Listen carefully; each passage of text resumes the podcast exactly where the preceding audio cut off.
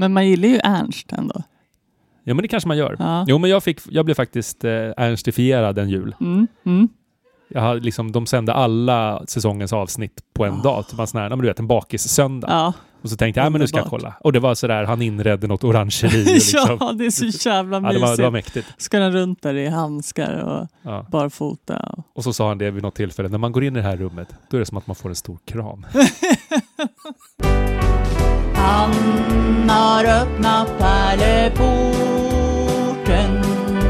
så att jag kan komma in. Genom blodet har han frälst mig och bevarat mig som sin. Välkommen! Pärleporten avsnitt 32. Hur är det Nadja? Det är bra. Hur mår du? Tack, bra. Det lackar ju mot jul ännu mer än förra gången. Lackar mot jul, heter det så? Jo, Okej. ja, men så säger man väl? Det lackar Nal- mot jul. nalkar? När julen nalkas, men det lackar mot jul. Vad, vad betyder det då? Det- Alltså, det kanske har någonting med det här att man lackar presenter. Du vet, man satte ju Ah. liten, man smälte ju någon slags Mm. lack Mm. och så tog man sin så här familjeemblemet på ringen och så tryckte man till det. Mm. Alltså någon så här sigill typ. Mm. Det kanske inte alls har med det att göra. Man kan ju bara ha lack också. Men man säger inte att det lackar mot påsk eller det lackar mot att vi ska dra härifrån eller något sånt där. Eh, det är faktiskt oklart. Jag vet Mm. bara att man kan säga det lackar mot jul. För att det betyder att det är nära. Mm. Nu är det nära. Precis, vi har ju passerat fjärde advent. Ja, idag är det ju 20 december när vi spelar in det här. Så förhoppningsvis så hinner det här nå era öron innan julafton. Ja, Annars så kanske det blir en fin så här efter julklapp. ja precis. I dagens avsnitt Nadja, Mm. vill du liksom berätta vad du ska prata om? Vi ska prata lite om eh, vaccinationsbevis. Oj. Sen har jag två utträden vi ska kort gå igenom också. Spännande. Mhm, mm. Johan, vad ska du prata om i dagens avsnitt? Jag tänkte lite prata om en italiensk eh, biskop som hamnade lite i blåsväder. Och sen så ska jag faktiskt också prata lite om såna här tv-evangelister Mm. som är någon slags, inte minst amerikanskt fenomen. Kalle frågade mig senast igår om inte jag kunde bli tv-evangelist. Jo, det är ju så för att framförallt så blir man ju om man lyckas jäkligt rik. Eftersom det bygger på någon Precis. slags framgångsteologi och då är liksom pengar rullar in som det ska, det går bra nu. Men då måste jag, jag tror att jag kan slå hål på det här, att det blir svårt i Sverige. För Kalle var så här, eh, jag hörde om en tv-evangelist som hade ett 100 miljoner kronors hus eh, skattefritt för att det var någon slags kyrkans hus. Mm. Och jag tror inte det funkar så i Sverige. Det är lite det här jag kommer att prata om bland annat faktiskt. Jaha, är det? Inte just om, om svenska liksom, aspekten. Skattesystemet? Nej, det, det lämnar jag åt proffsen. Ja. Mm. Nej, men det handlar ju om att eh, kyrkan som jag har förstått är liksom skattebefriad då i USA. Mhm, För att det räknas ja, som en religiös precis. organisation. Exakt, för jag tror inte, så är det inte här. Liksom. Mm. Så att jag tror att vi inte blir så rika om vi Mm. ska bli tv-evangelister i Sverige. Nej, ja, men skattesystemet är ju någonting annat, så det får man väl leva med. Men jag tror att man kan bli ganska rik. Kan man bli rik på skolan måste man kunna bli rik på Jesus.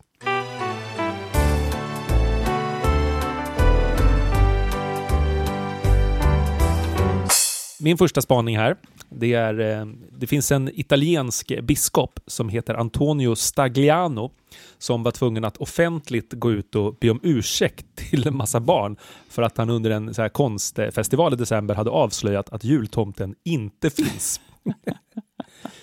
Och det är ju roligt, för att det var så att de firade den här Sankt Nikolaus, eh, liksom helgonet som på något sätt våran tomtekaraktär är baserad på. Eh, och sen fick då den här biskopen en fråga om, eh, eh, om tomten finns på riktigt och då sa han nej, tomten finns inte på riktigt. I själva verket skulle jag vilja hävda att det är bara Coca-Cola som har hittat på allting, säger då den här biskopen. Och det fick han ju på något sätt äta upp sen. Dels för att det också var någon slags faktafel, för det visade sig sen att Coca-Cola, när de Tomten visst fanns på riktigt. Precis, de gick till källan. Nej, men att när Coca-Cola grundades på typ 30-talet så hade redan tomten sin existens och sina färger. Sen så gjorde de en smart PR-grej av det. De valde att liksom ta med tomten i sin reklam, så att det får man ändå... Rätt ska vara rätt någonstans. Ja, men det som blir den intressanta aspekten är så här, vad är egentligen påhittat och vad är inte det? Kan man då som biskop säga att det ena är sant medan man samtidigt tror på Jesus Kristus, den helige anden, Gud som skapar och allt annat liksom eh, lite magiskt som vi tror på i kyrkan. Vilket för en ateist är såklart helt ologiskt. Mm. Och orimligt, som Mm. Kirsti skulle säga. Orimligt. Ja, men verkligen. Ja. Så att det är också kul att han då ändå får på något sätt gå ut och offentligt be om ursäkt och liksom säga nej men det det, man får tro lite som man vill. Mm. Men då också tänker man på det där, vad, vad är egentligen okej att lura sina barn? Har ni själva fött den här äh, tomten finns-grejen? Jo, men det har vi nog, för att det är ju en sån tradition som känns viktig.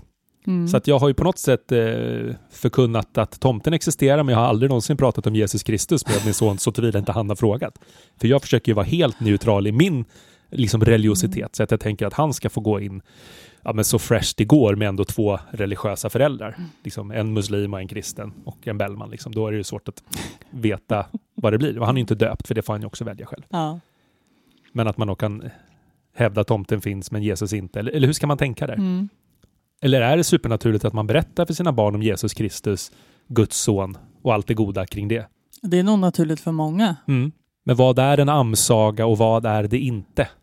Men, men kan det vara så att det är lättare att berätta om tomten för man vet att det går över på något sätt?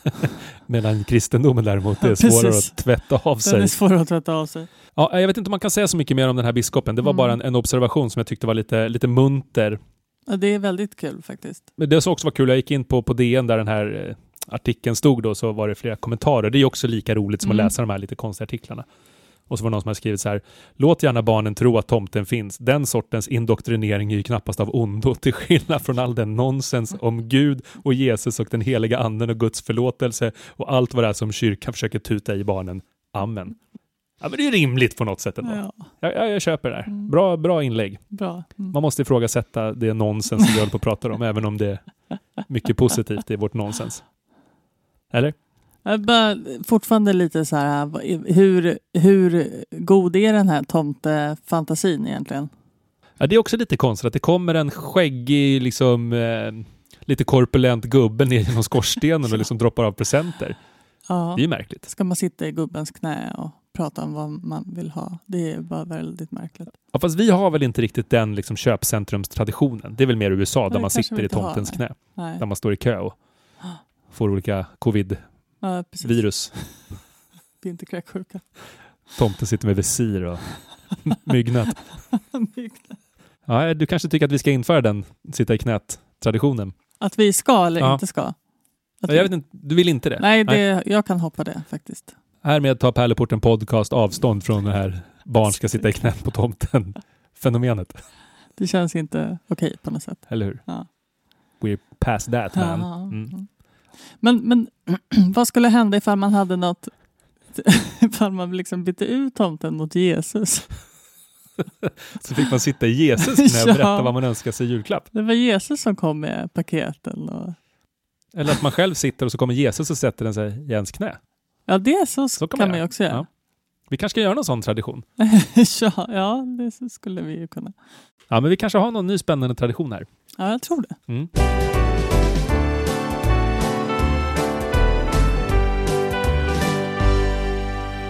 Det är ju 20 december idag när vi spelar in det här.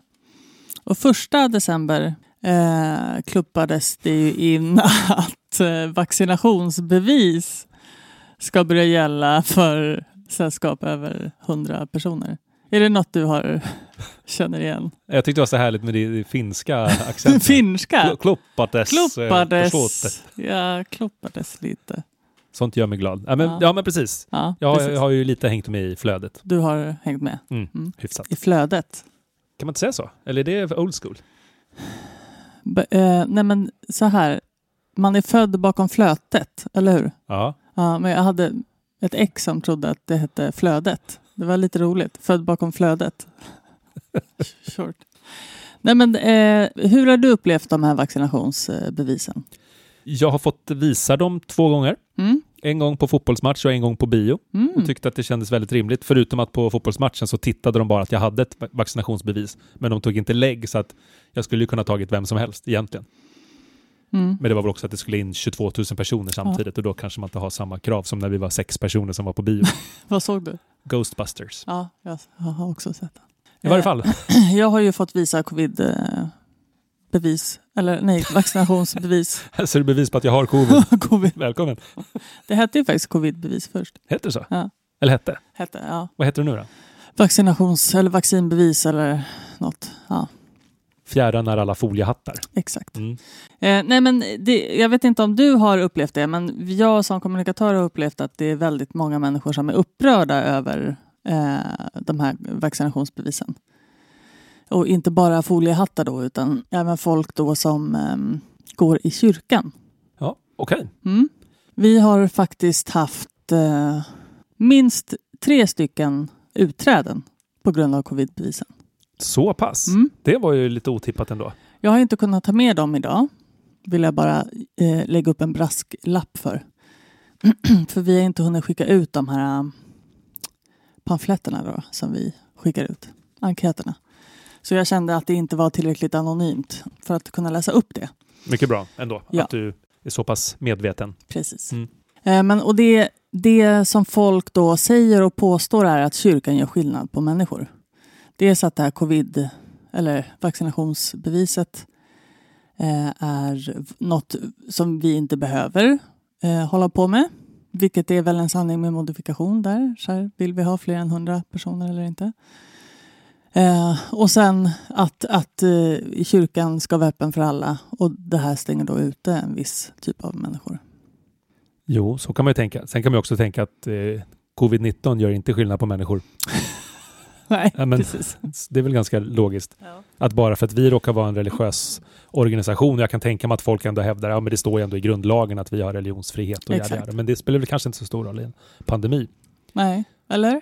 Gör det? Nej, alltså personligen tycker jag att det är helt rätt. Alltså för att skulle kyrkan vara någon slags supersmittspridare så skulle det kännas skitkonstigt åt andra hållet så så att säga. Då skulle vi få andra utträden. Ja men verkligen. Och tittar man på den där klassiska kyrkan i Sydkorea när det begav sig som började spraya saltvatten i munnen på folk för att de sa att det här tar bort basilusken och så Ja. slutade med att typ 26 personer fick covid-19 på grund av att de stoppade in det där i munnen. Det var ju bara en liten passus. Men, men alltså det är ju högst rimligt, men man kan också förstå att folk blir upprörda. Men å andra sidan, det finns ju sammanhang. Vi har ju flera grejer som händer typ varje dag i alla kyrkor. Och man kan väl bara se till att man går på en där det inte kommer 100 pers. Mm. Det handlar ju primärt det här om konserter och så, där man kanske är mer än 100. Mm. Det är ju sällan det är fler än 100 en vanlig söndagsgudstjänst till exempel. Exakt. Och sen var det så att vi körde ju så länge det gick på första advent här som var precis i slutet av november. Då var ju kyrkan knökfull och det var ju liksom bara några dagar innan de här Mm. liksom restriktionerna började gälla. Så att det känns väl rimligt att man försöker minska folksamlingar i alla sammanhang och inte Mm. minst kanske här då. Eller har du någon annan uppfattning kring det här? Nej, men det jag började tänka på, eh, för jag, håller, jag tycker att det här med vaccinationsbevis är en bra grej. Eller jag tycker man ska vaccinera sig. Det är eh, jag personligen. Svenska kyrkan, jag kan inte stå för Svenska kyrkans eh, åsikt. Man får väl hoppas att Svenska kyrkan får- vill att folk ska vaccinera sig. Men, men det jag kom att tänka på var så här, okej, men varför, varför vill de eh, att vi ska visa covidbevis? Varför räcker det inte med neg- negativt covid-svar eller liksom testsvar? Man får testa sig en timme innan man går in eller ja. Alltså vad, förstår du hur jag tänker? Varför är det Absolut. just vaccinationsbevisen som, är det för att de vill uppmana fler personer att vaccinera sig? Eh, eller har det med smittspridning att göra? Alltså vad, förstår du? Nu kan jag egentligen ingenting om det här, men är det inte så att om man är dubbelvaccinerad så är det mindre sannolikhet att man får det? Eller är det bara att man får en mildare variant? Eh, man, eh, man smittar inte lika lätt om man är dubbelvaccinerad som, att, som om man inte har ett vaccin. Nej, då var väl det svar på din fråga. Ja, precis. Mm. Rimligt. Mm. Om det nu är så att man inte smittar lika mycket, då är det kanske den vettigaste anledningen. Ja, Och sen är det ju så att även om man håller avstånd så kan ju folk bli sjuka. Det var sån här supersmittojulbordet nu i Norge där mm. hur många som helst blev sjuka 100 pers fick var i samma... omikron Ja. eller vad det var. Och det känns ju osoft och då kanske man liksom också ska tänka ett varv. Men i Danmark inför man väl nu att man måste ha covidbevis på typ allt. Ja, jag tror det va? Från och med, ja men typ idag kanske. De är ju verkligen superhårda numera för Ja. att de vill stoppa all smittspridning och det är ju på ett sätt rimligt samtidigt som det är skittråkigt. Och speciellt om det är så att man utan någon anledning inte kan vaccineras. Fast Mm. då finns det ju någon slags klausul, eller hur? Ja, om man inte kan av medicinska skäl så kan man komma med ett litet intyg från doktorn. Men man kan inte få något foliehattintyg. Nej, Nej. precis. Och det är ju rimligt. Mm. Men okej, men det är ju tråkigt om folk väljer att lämna på grund av det här. Och, och, alltså, och det är så här, vad ska man göra? Ska man Jag tror inte det finns så många andra sätt. Då är väl Ja. det smällar man får ta, tyvärr. Ja, precis. Eh, man skulle vilja, liksom, jag har en grej här som jag kanske vill läsa upp. Kör! Det här är från en Facebook-sida som heter Nej till medicinsk apartheid. Bra. Det är ett öppet brev till Svenska kyrkan. Nej, är det sant? Ja. Ta bort kravet om vaccinationsbevis i kyrkans lokaler.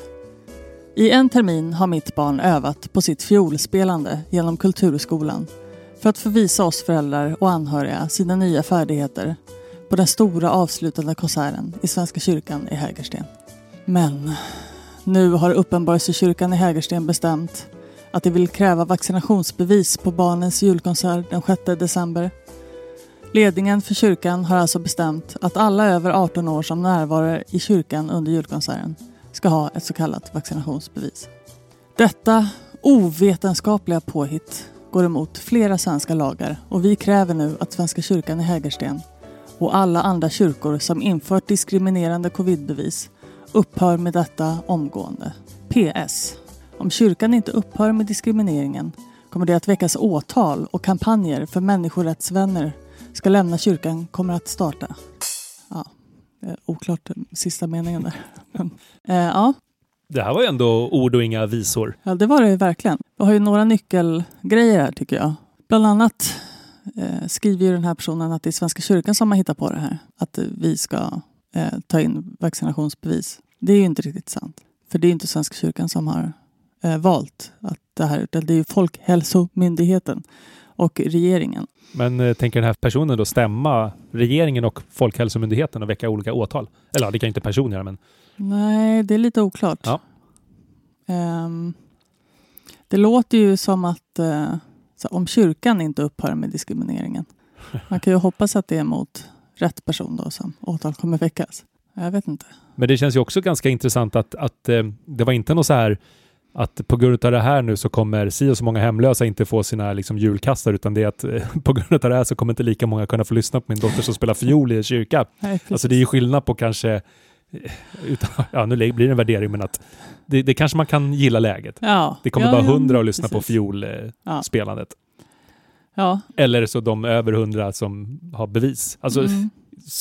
det här är en människa som är i superaffekt och kanske inte riktigt eh, har tänkt igenom det här skulle jag säga. Nej. Nej. Det, det är väl den här personen kanske någon, någonstans drar så paralleller till andra världskriget när den pratar om det här. Det är ju ganska vanligt har jag förstått. Och, och lite väl dramatiskt i det här sammanhanget. Ganska Det är ju inte så att folk tar skada av att inte lyssna på en fiolkonsert. Alltså Nej. på riktigt. Nej, det är ingen som dör. Nej. Däremot så, ja, men visst, vi, vi släpper alla regler. Det kommer 600 personer att lyssna på det här och liksom precis. 50% insjuknar. Ja. Man måste ju också väga liksom vad, vad det kan skada det här. Mm. Och sen så kan man väl kanske streama det här på något sätt. Så kan alla Mm. ändå få titta på det eller lyssna på det. Precis. Så det finns ju många vägar ut. Mm. Men det är ju så, speciellt föräldrar i affekt, det är ju en stark kraft. Och det här är väl kanske också den föräldern som skickar sitt barn att söka på en Idol-audition. Ja. Fast kanske barnet inte borde det. Ja, mm. Eller? Mm. Ja, ja, absolut. Utan att ha någon aning om den här föräldern. När Men, just, inte Idol funkar så testar en talang. nej, men också som att man tror att Svenska kyrkan liksom på ett utstuderat sätt gör det här för att liksom skilja enligt någon slags apartheidsystem. Det är ju Mm. helt vansinnigt. Mm. Och som du säger, det är ju Folkhälsomyndigheten som har hittat på det här. Det är inte våran biskop som tycker att nej men nu, nu Nej. sätter vi en gräns. Mm. Sen så är det ju såklart problematiskt med att en av grundlagarna är att vi har religionsfrihet. Men det här, det lirar inte på det sättet. Det står ingenstans i grundlagen om hur vi ska hantera en pandemi heller kanske. På Nej. det sättet. Men eh, Pärleporten Podcast står bakom vaccinationsbevisen. Ja, Så kan man ändå säga. absolut. Det tycker jag.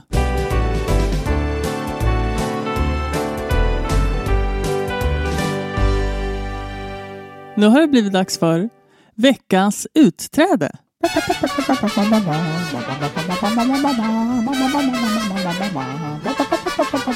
De här är från november i år ser jag. Nära i tid. Lite som Nya Testamentet.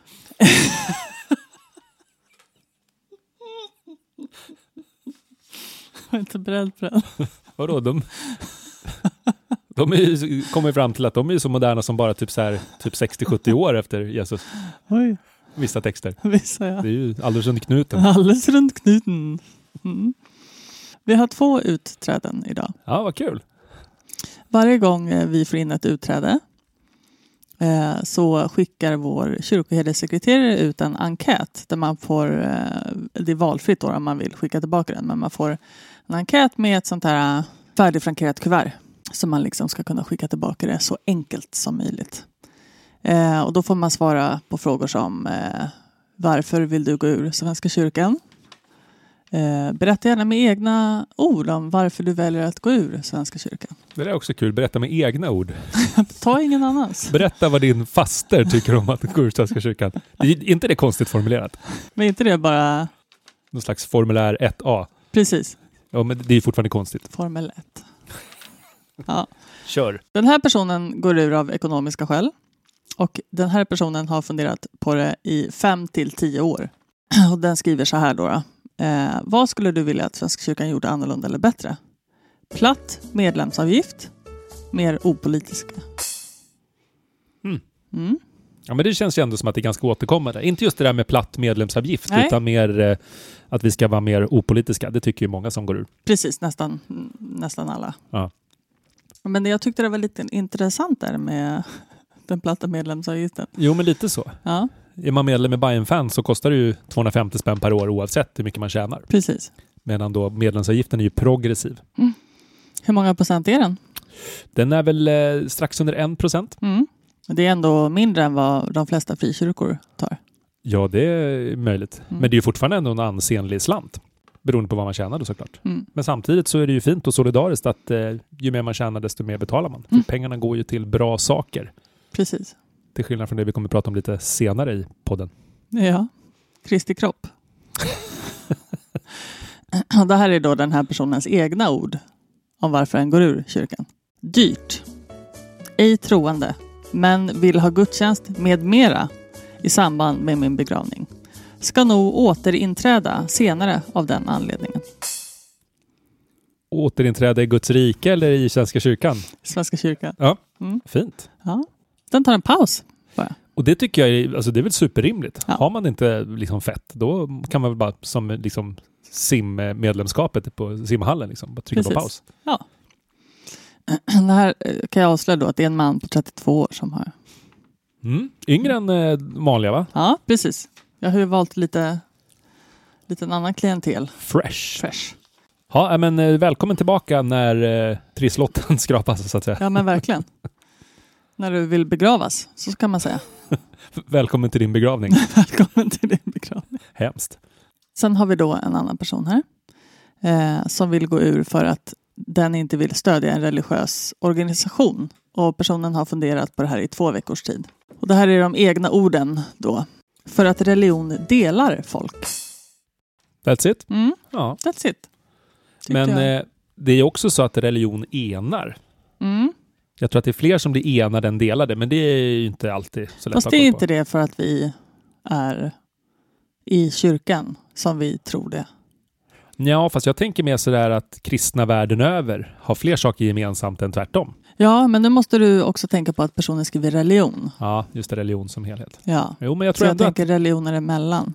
Fast jag tror att det finns mer förståelse än vad det finns icke-förståelse. För det är icke-förståelsen som man läser om, det är den som skapar problematiken. Mm, mm. Det är inte så att, eh, vad är det, det är två miljarder kristna, det är 1,8 miljarder muslimer. Det är inte så Mm. att 3,8 miljarder kristna och muslimer hela tiden går runt och är sura på varandra. Nej, Det är ju en liten, liten, liten procent som håller på och jiddrar. mm, det är Eller? sant. Det är troligen. De flesta lever väl sina religiösa liv och gör det ganska soft. Mm. Sen så det, tyckte jag var lustigt det där att eh, den här personen vill inte stödja religiös organisation. Mm. All respekt för det. Men att man har funderat i två veckor. Det, det är som att hen precis bara märkte oj shit, jag är med i Svenska kyrkan. Uppvaknande. Men Ja. så är det ju faktiskt med vissa i och för sig. De kommer på Oj då, jag är född. Det är oftast de som fortfarande föddes in i kyrkan. Just det. Men men jag tänker som den där 32-åringen, låter som så här misstänkt i brottsmål, 32-åringen, här ser vi fantombilden. Nej men att eh, om man ändå har gått och funderat på det 5 till 10 år, vilket Ja, oftast precis. är rimligt. Ja, men Ja. jag, någon gång ska jag gå ut men jag orkar inte göra det i år. Ja, men, Nej. jo men jag ska nog. Mm. Och till slut så liksom Mm. gör man det bara. Mm, Men det här två veckor, det är ändå ganska kort Mm. förhållandevis. kort. Det här var då en man på 35 år. Ja. Mm. Mm. Ja, men då är nog de yngsta hittills. Ja, det tror jag. Och ändå inte så arga i sitt tilltal. Det var ändå lite uppmuntrande. Exakt. Många hittills har ju varit sådär liksom up yours biskopen typ. Exakt. Ja. Mm. Men det här var ändå lite rarare. Mm. De flesta, de som är yngre, skriver inte någon anledning faktiskt. Eh, så att eh, det är inte bara för att eh, det, inte, det, det har varit svårt att hitta intressanta yngre för de kryssar liksom bara i varför och skriver ingen anledning. Ja, men Medan vissa äldre då som kanske har mer tid skriver en hel novell. olika föräldrar i affekt. Han kör Jacqueline. ja, Ja, tack. Mm. tack.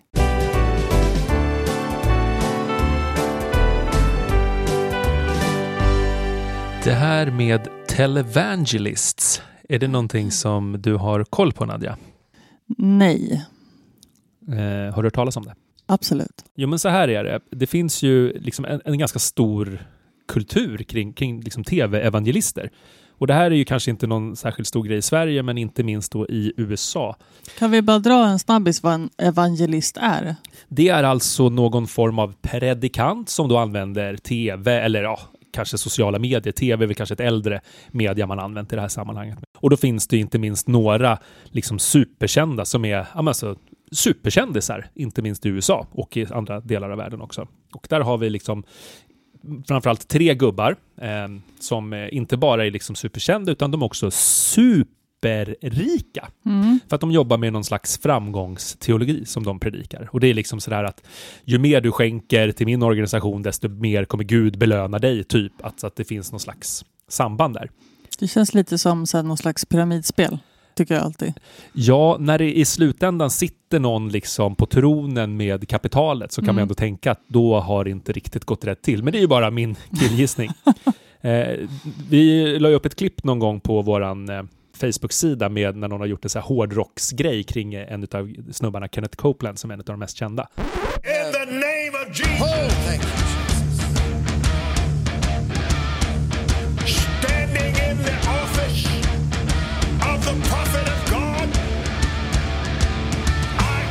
execute judgment on you, COVID 19.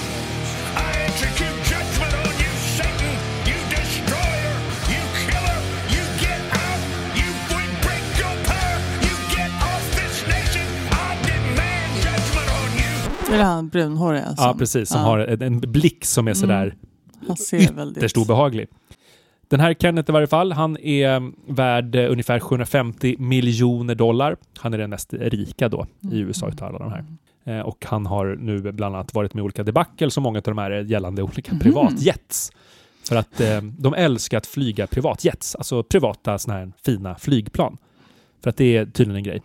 Han hade också sagt någonting om att det är liksom demoniskt att behöva åka liksom reguljärt med vanliga, vanliga människor. För att det är liksom beneath him, så att säga. Kan jag eh, bara få säga det om kollektivtrafiken då? Ja. Det, det är därför jag är omiljövännlig och kör bil överallt. För att det är demoniskt att åka SL-buss. Precis. Men du kanske inte kommer undan med det på samma sätt. Nej, det är sant. Vadå, är inte vi någon, någon slags podcast-evangelister? Jo, det kanske vi är. Vi försöker ändå sprida det goda budskapet, men skillnaden är väl kanske att du inte har 750 miljoner dollar, vad jag vet. Nej. Och sen också säga att de bor i såna här alltså galna mansions. Som får liksom typ Michael Jacksons Neverland att se liksom litet ut.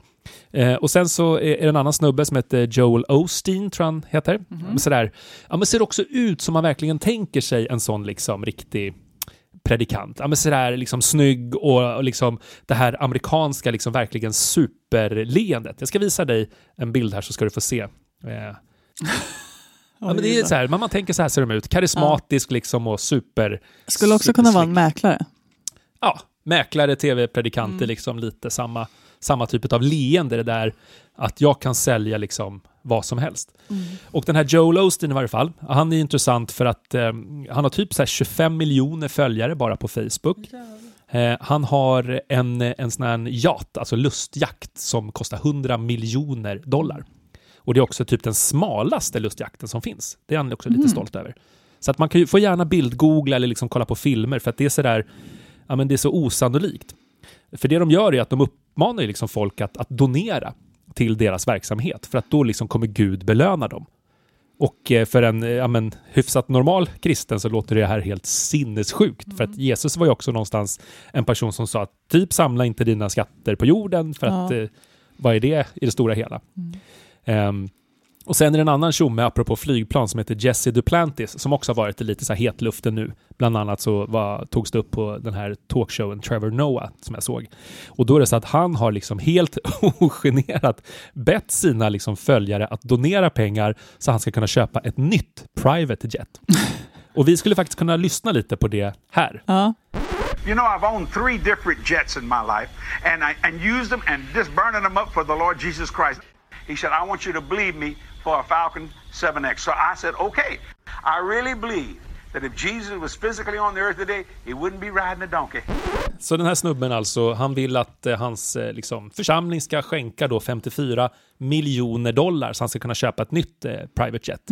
För att han då menar att det är Gud som har sagt åt honom att det här behövs för hans verksamhet. Sen är det också lustigt för att den här snubben, han har redan ett private jet, men med det här nya så behöver han inte hålla på och mellanlanda för att tanka lika ofta. Och det, det, kan, det kan han ju vara värd. Ska han sälja den gamla då? ju? Ja, det är oklart. Ja. Eh, men det är också sådär att när man kan göra det här helt ogenerat. Han menar då alltså att det här är Guds vilja och att liksom hans eh, församling kommer bli belönad genom att de skänker då pengar så han ska kunna köpa sitt nya flygplan. Och det är sådär som att det inte finns några gränser på hur himla vansinnigt det här är. För sen är det dessutom så att allt det här är också skattefritt. För att i USA så är det på något sätt så att, att är man en religiös organisation så behöver man då inte betala skatt. Vilket också gör att de här eh, tjommarna som då har sina supermansions, de har ju då köpt de här också skattefritt. Vilket är, jag vet inte vad man ska säga, för det, det är så mycket som är konstigt så att det, det är svårt att liksom börja någonstans. Nej, men, eh, man vill ju prata med de som donerar och de som liksom följer och så här, vad har Gud gett er efter det här? Mm. Eller hur? För att de, de eh, fortsätter väl donera, gissar jag. Ja men förmodligen. Ja, men tänk sådär, din eh, liksom, andliga ledare säger men jag behöver ett nytt flygplan. Ja men absolut, jag tar fram min checkbook eller vad man nu Ja, jobbar mm. med, eller swishar eller någonting. Ja men då, då skänker jag mina sista 200 dollar så att han ska kunna köpa sitt flygplan för det är Ja. Guds vilja. Precis. Och då kommer jag bli belönad. Mm. Men hur? Jag vill veta hur de här människorna har blivit belönade i deras liv. Jag tror ju att de kanske inte riktigt har blivit det. För att det gör ju också att Gud på något sätt blir väldigt selektiv och liksom belönar dem som i sin tur skänker. Och det känns som att är det någonting med våran religion så är det väl att den är inte särskilt villkorad. Nej, precis. Men då är frågan varför de fortsätter donera, tänker jag. Ja. För de, jag tänker att det är inte bara nya människor som do- donerar hela tiden. Nej, men de, man tänker väl att ja, men, Det Jag- kommer. det Det är kommer värt sen. att testa liksom. Till slut så händer det. Plötsligt händer det. kommer den där trisslotten. Ja. Men det här med att sko sig på fattiga för att liksom bygga sin egen förmögenhet och hävda att det är Guds vilja, att man kan Mm. fortsätta predika. Det är sådär att de inte skäms. Mm. Sen får man kanske också tänka att det är väl jättehärligt om de skänker mycket lycka och glädje till folk, men det ska ju inte vara beroende på att de gör sig av med sina sista slantar för att skänka till de här Nej. gubbarna. Ja, nej, men eh, kolla gärna på, på Google. Det finns hur mycket som helst kring de här. Sen var det också intressant med han, eh, den där Joel Osteen, att eh, det var ju någon slags inbrott i hans kyrka där de, någon snodde, eh, om det var en miljon dollar eller någonting, så det var något stort rabalder kring det. Sen så hade de en rörmokare där några år senare och då liksom öppnade han en vägg för att de behövde fixa någonting och där låg de här pengarna gömda i väggen. Det är ju intressant. Ja. Jag vet inte om det är någon sanning kring det här, men eh, det kan ju vara så. Det var spännande. På internet finns det både sanningar och halvsanningar. Mm. Härligt. Ja, men så att det är ju verkligen, vill du bli rik och du är lite karismatisk, då är kanske tv-evangelist någonting för dig.